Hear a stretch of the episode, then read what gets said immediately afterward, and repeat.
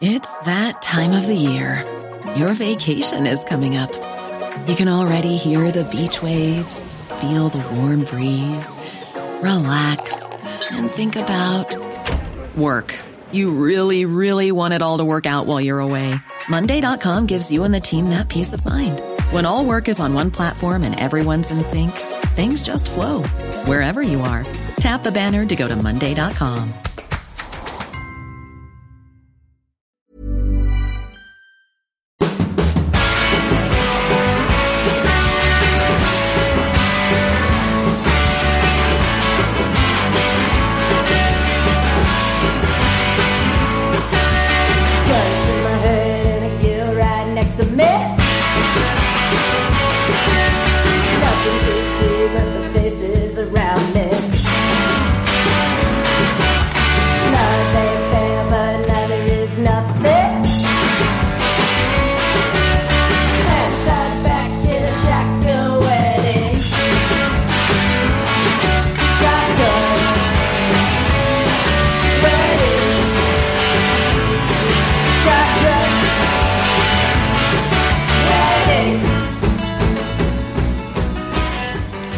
Hej och välkomna till Indiepodden nummer 81. Med bara några dagar kvar till årets Indianapolis 500 så har vi tagit oss tid att prata med svenskintressena i årets lopp. Jag heter Jakob Fredriksson, jag har pratat med Felix Rosenqvist och Ronny Larsson Miles. Vem har du pratat med? Jag har pratat med Marcus Eriksson. Vad tror vi om deras chanser först och främst? De är chanslösa. Eh, hard, harsh but fair, nej inte ens fair.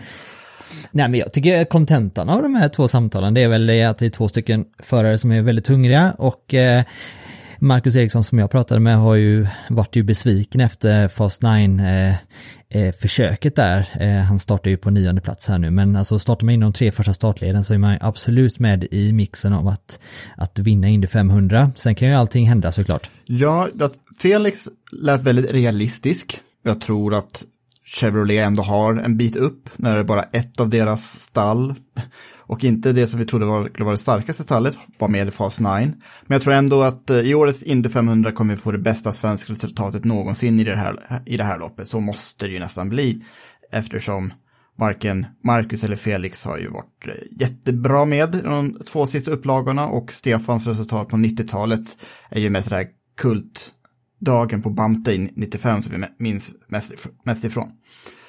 Uh, nu glömde jag Kenny Bräck förstås, men förutom Bräck då, eh, så tror jag på bästa svenska resultaten i den här tävlingen. Ja, men eh, förutsättningar finns ju där, o, eh, verkligen. Båda förarna, både, nu har de ju några år på sig också, testat ett antal Indy 500 eh, och det här blir ju tredje då. Så att nej, men jag ser med tillförsikt fram emot söndagen. Ska vi, är det någonting vi behöver liksom addera innan vi kastar oss in i våra samtal med Marcus och Felix? Nej, egentligen inte. Det är bara gött mos. Ska du eller jag börja? Du. Varsågoda, Marcus Eriksson. Marcus Eriksson, en stark kvalinsats och din första Fast 9. Berätta om helgen för det första. Ja, men eh, det var ju en... Eh, min, min, min stora målsättning med veckan var väl att eh, ta mig till Fast 9 eh, och att jobba till med en bra racebil och eh, det känns väl som att jag eh, uppnådde båda de målen eh, den, den gångna veckan. Så jag är väldigt nöjd med det och eh, väldigt kul att få vara med på, på Fast 9 där i, i söndags. Vi kan väl ha anledning att återkomma till, till lördagen där, men om vi tar just Fast 9 på, på söndagen så du var ju först ut och det är ju alltid svårt kan jag tänka mig. Eh, särskilt vid den tiden på dygnet. Av, av dina kommentarer efteråt så efter ditt försök så kändes det som att ni har gått lite för, ni hade gått lite för konservativt med Aaron på din bil. Kan du utveckla det?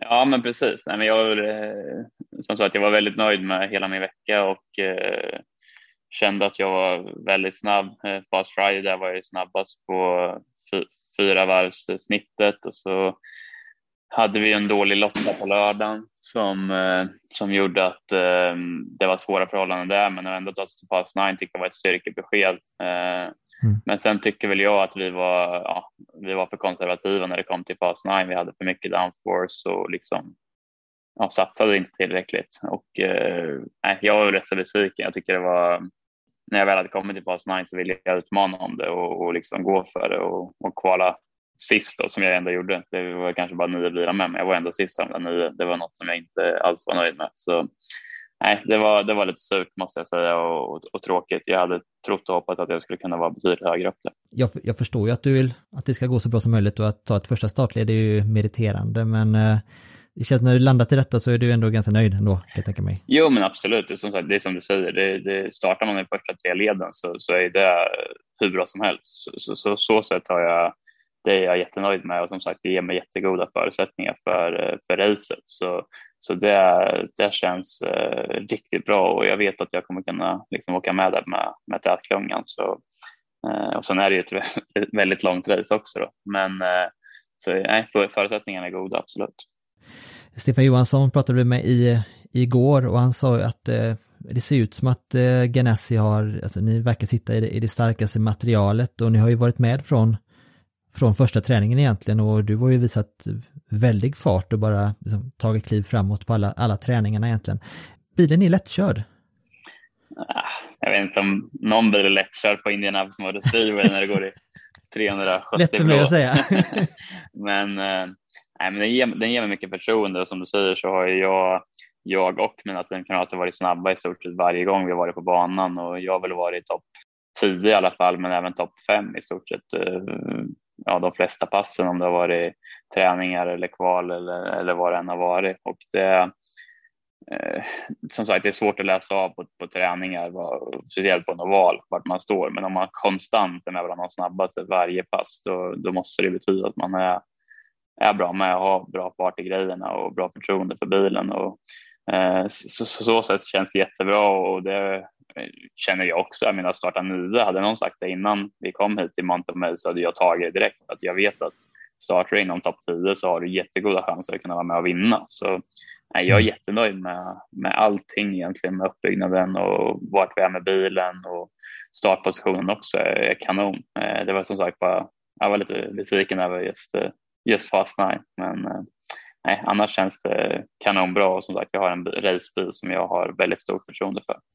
Eh, på lördagen där så var det ju, det låg ju på den där, om man kallar det bubblan då, det var på nionde, nionde plats där.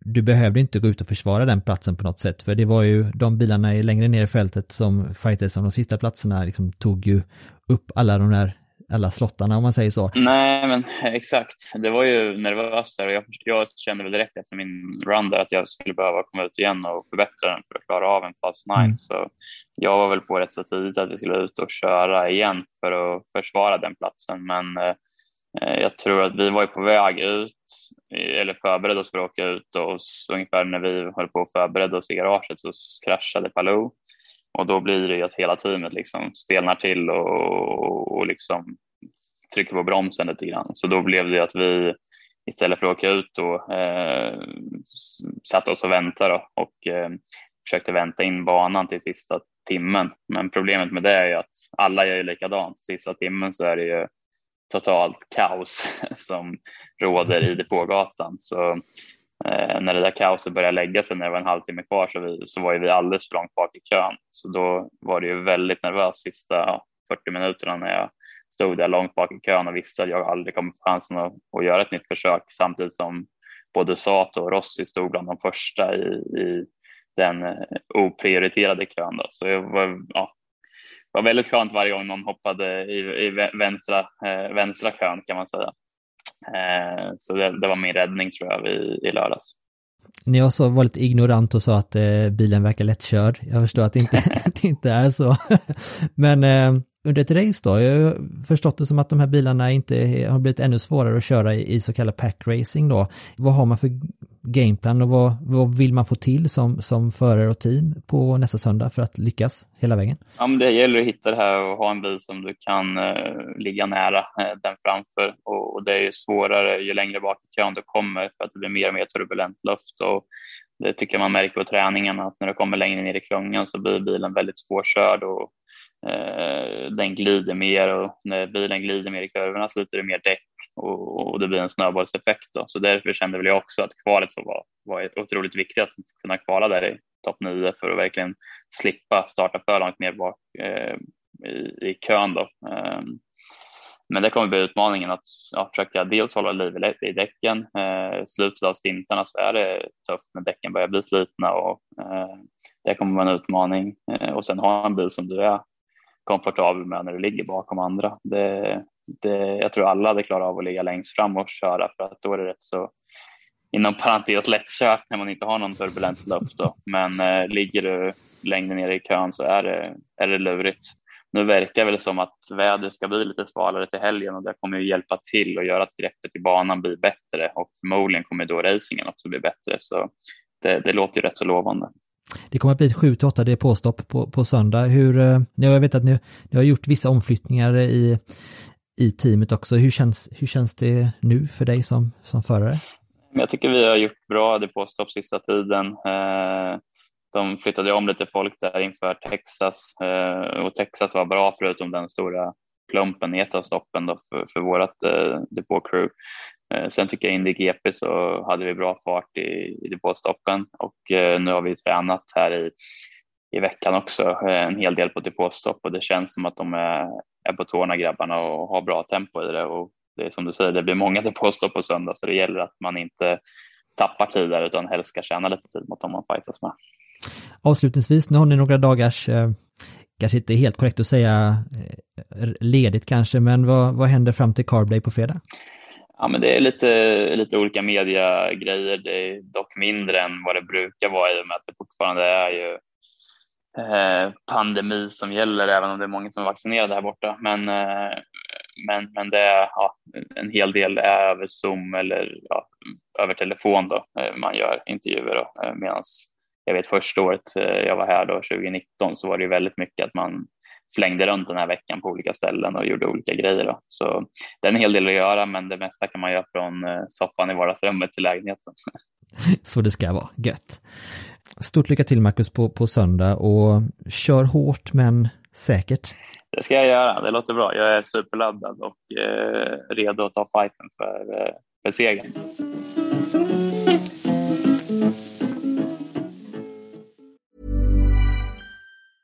When you're ready to pop the question, the last thing you want to do is second guess the ring. At Bluenile.com you can design a one-of-a-kind ring with the ease and convenience of shopping online. Choose your diamond and setting. When you find the one, you'll get it delivered right to your door. Go to Bluenile.com and use promo code LISTEN to get $50 off your purchase of $500 or more. That's code LISTEN at Bluenile.com for $50 off your purchase. Bluenile.com code LISTEN.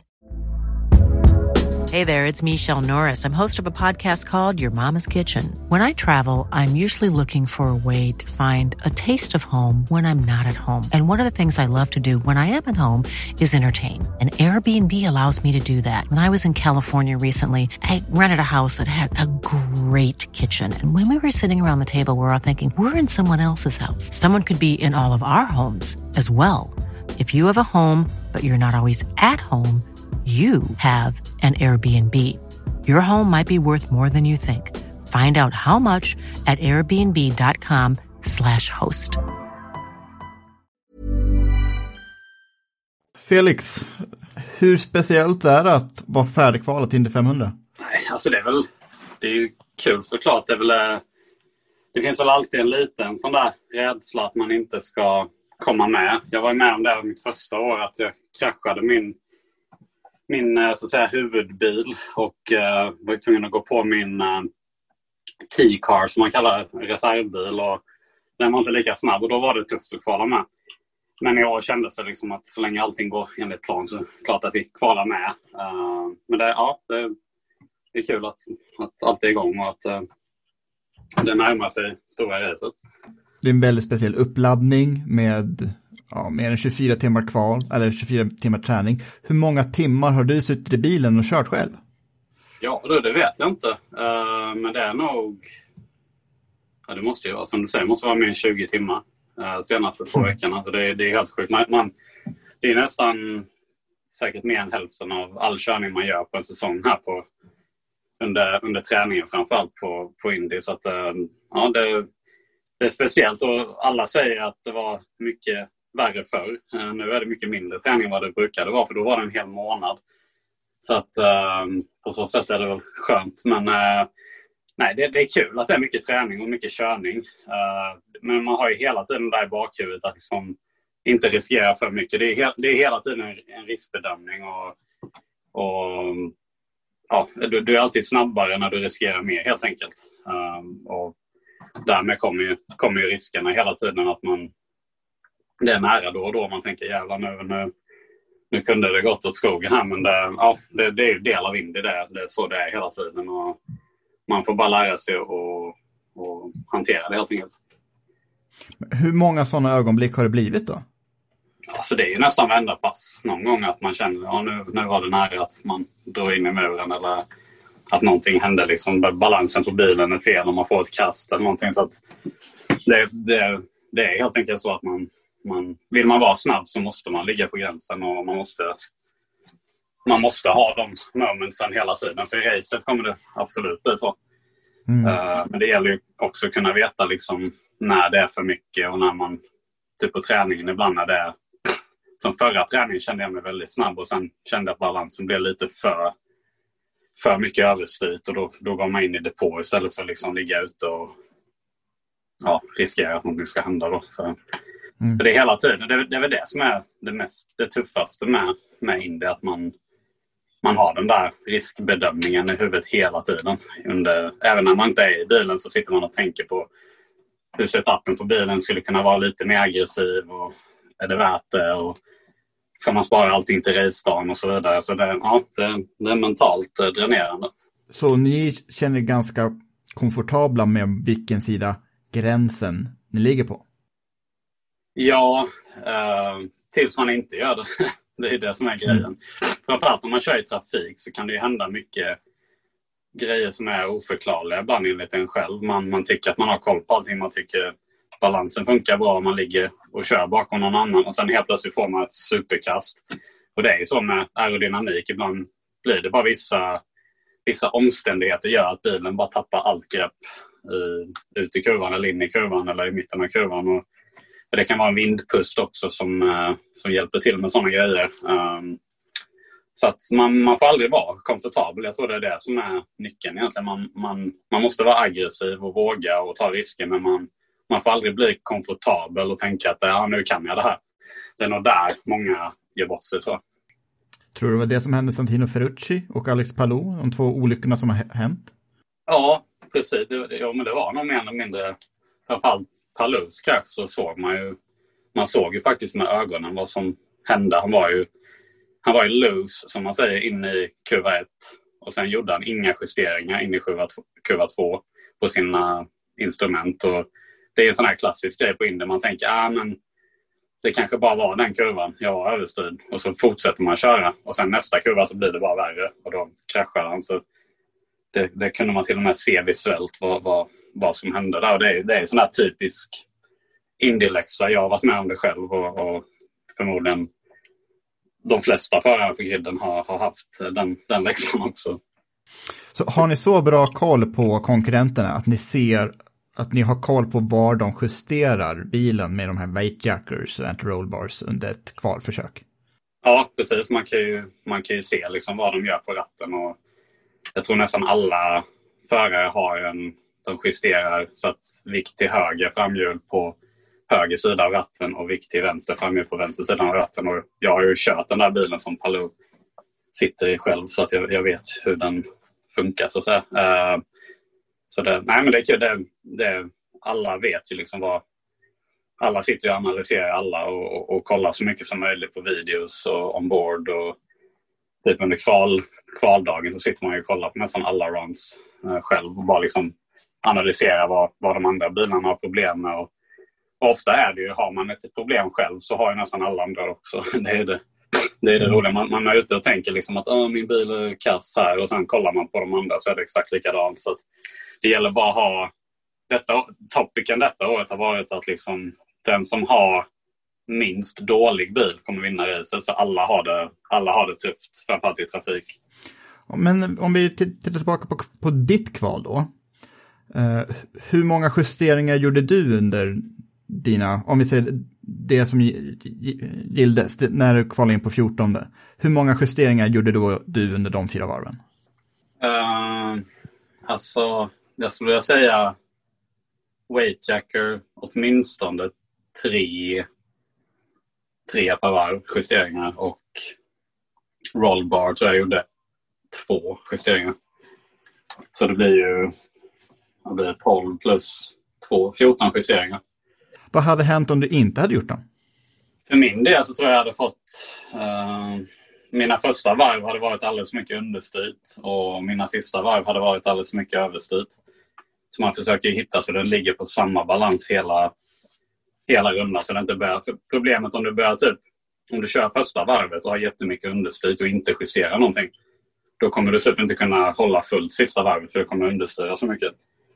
Mm. Och våran bil hade en tendens till att slita höger bakdäck så man var tvungen att efter det kompensera så att bilen understyrde mer och mer eh, för att den inte skulle vända runt. Då. Eh, så det, ja, det, men det, det är nog rätt vanligt. Vissa, typ som Dixon, när han, han tog sitt polvarv där, han, han hade ju ingen mer justering kvar. Så han, hans bil var så loose så han hade redan justerat allt han kunde på första varvet för att göra den mer understyrd. Mm. Fick han bara hålla i, i tre varv. Så det var ju lite intressant. Men äh, ja, det, det, är alltid så här. Man, det är samma där man tror man vet ungefär vad som kommer hända. Men typ i hans fall, han tog ju pole och det var ju kanon. Men till och med där så visste de inte riktigt hur balansen skulle vara. Han fick improvisera väldigt mycket.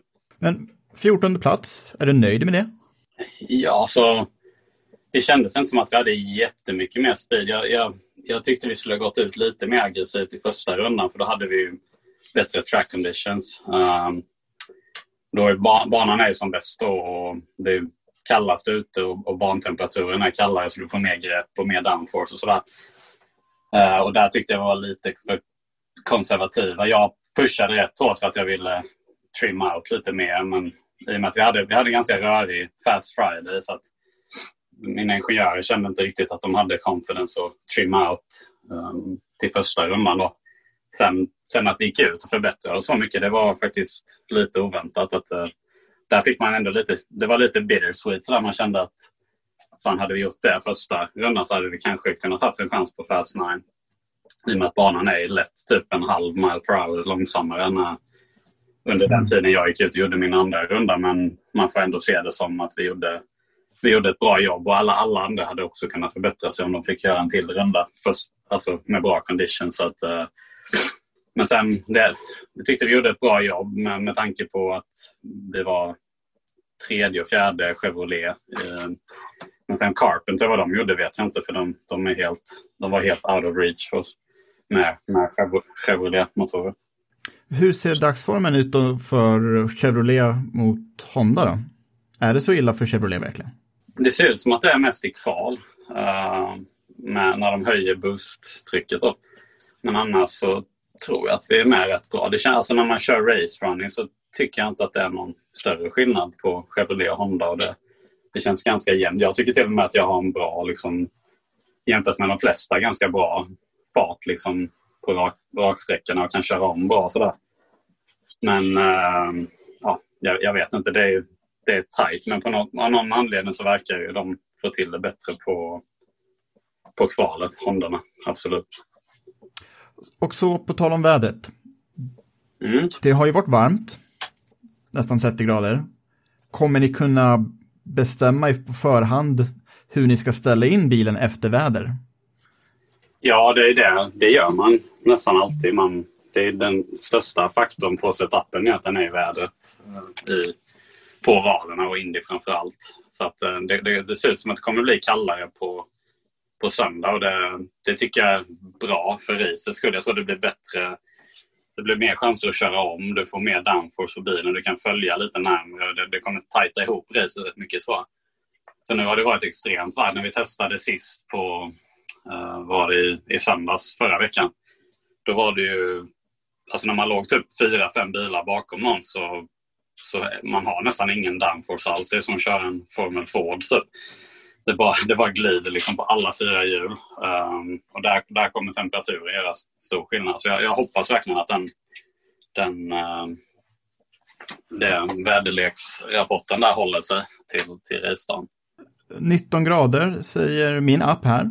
Mm. Eh, Men det är ju betydligt kallare än vad ni hittills testat i. Gör inte det att det blir lite mer vanskligt? Det blir ju mer chansning. Eh, jag, vet inte, jag har inte koll på hur vädret ska vara på fredag under Carb Day när vi kör vår sista test. Men, eh, men eh, ja, det, blir, det blir en liten chansning såklart. Men i regel brukar man säga att blir det kallare så, får du, så kommer bilen överstyra mer.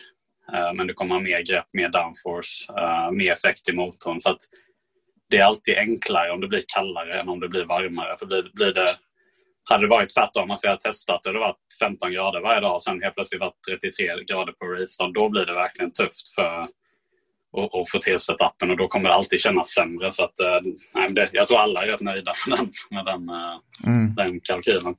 Eh, Carb Days säger det 21 grader men lite risk för regn. Men vad har ni för schema planerat för Carb Day?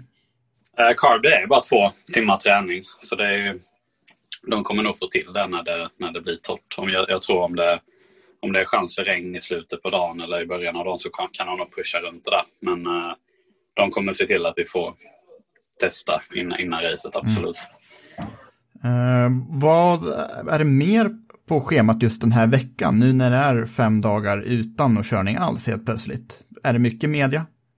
Ja, media är väl det som händer för det mesta. Framförallt nu måndag, tisdag, onsdag har det varit mycket. Eh, man har ju fått komma bort från banan lite. Då.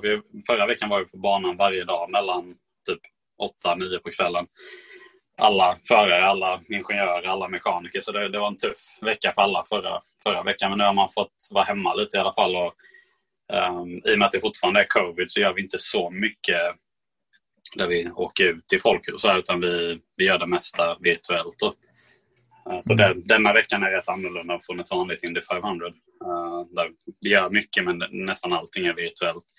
Men ja, media. eh, sen imorgon blir det tillbaka till banan och, och lite media. Sen jobba med ingenjörerna på planerna för fredagen. Och sen, sen är det ju fokus på race från det. Du har ju fått en gata döpt efter dig i Indianapolis. Som, ja det är väl alla förare som får det. Ja.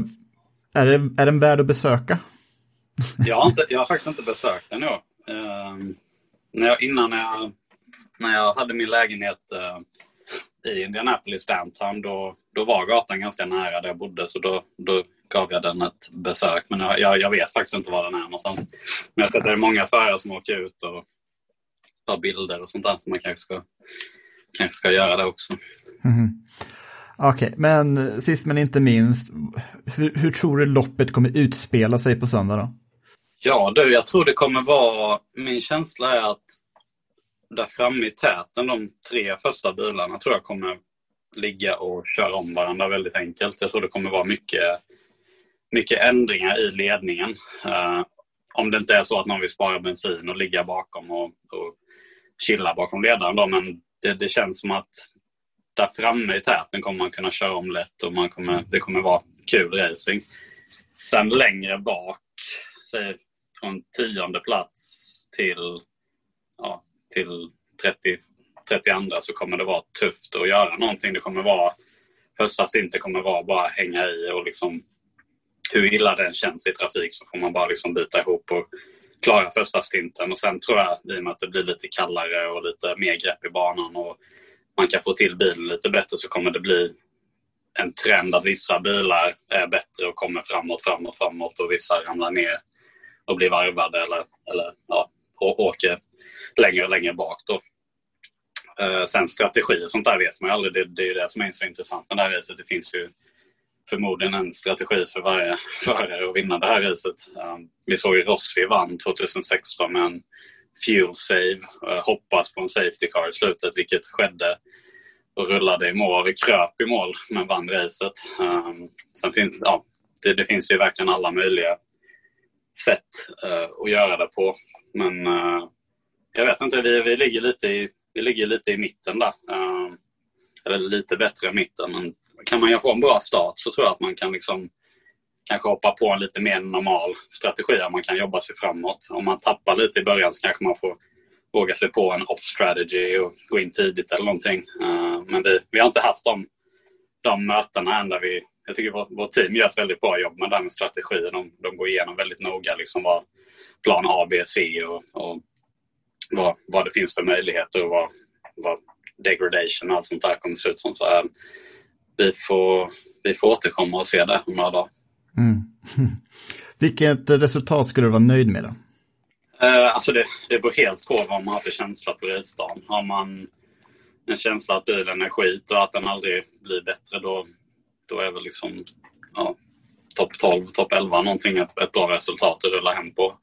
Känner man att man börjar jaga framåt som typ som jag gjorde på Texas eller som jag gjorde mitt första år på Indy då, då siktar man ju på en ja, topp top 5. Liksom då, då vill man ju fram och ta stora poäng och, och, och kanske ha en chans att slåss om vinsten till och med. Det, det är helt beroende på hur, hur det känns på racedagen och det, det vet man inte förrän då. Men, men känslan har varit bra så att jag, jag, jag siktar definitivt högre än vad jag någonsin har gjort på Indien. Jag tycker det, det är dags för mig att liksom få ett bra resultat här nu. Ja, det tycker nog eh, större delen av de, de svenska åskådarna också. Eh, var väldigt sur på Texas när det såg så bra ut en liten stund. Mm. Eh, men all lycka då. Tack så mycket. Och eh, så får vi höras när, eh, ja, din nästa framgång har skett. Jajamän. Tusen tack Felix Rosenqvist att du tog dig din tid. Tack själv. Det är bråda dagar för podden Jakob. Nu var det ju Marcus och Felix idag och så på fredag så ses vi ju igen i, via Zoom och tittar på eh, Carb Day tillsammans. Ja, så då får ni ett färskt avsnitt direkt efter den träningen också, den sista träningen. Förhoppningsvis regnar det inte hela dagen bort. Det ser ut som det faktiskt kommer vara lite regn i luften i Indianapolis på fredag, men bara på fredag, så det är ingen risk för regn på söndag än så länge. Eh, men vi, vi återkommer då med, med, en Carb Day Special som är ju en, indie, en Indiepodden-tradition redan. ja, och den får vi se om vi släpper den sent, sent fredag kväll eller om vi tar den på eh, tidig lördag morgon då. Så det blir det som en liten uppesittarpodd här inför söndagens race. Mm. Stort tack till våra samarbetspartners eh, Automotor och Sport och Tico Racing Shop. Eh, apropå Tico Racing Shop, glöm inte vår tävling på Facebook där vi lottar ut en, eller inte lottar, vi delar ut en Tyrell P34 i, i storlek 1-18 om ni är med och eh, satsar på den tävlingen. Då kan ni vinna en sådan alltså. Och glöm inte att ni alltid har 20% rabatt i eh, webbshoppen på stefanjohansson.art när det anger rabattkoden Indiepodden. Så då ses vi igen om ett par dagar. Tack och hej! Tack!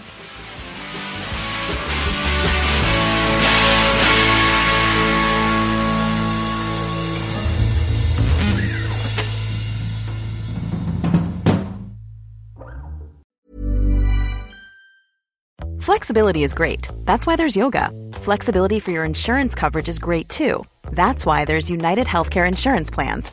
Underwritten by Golden Rule Insurance Company, United Healthcare Insurance Plans offer flexible, budget friendly coverage for medical, vision, dental, and more. One of these plans may be right for you if you're, say, between jobs, coming off your parents' plan, turning a side hustle into a full hustle, or even missed open enrollment. Want more flexibility? Find out more about United Healthcare Insurance Plans at uh1.com.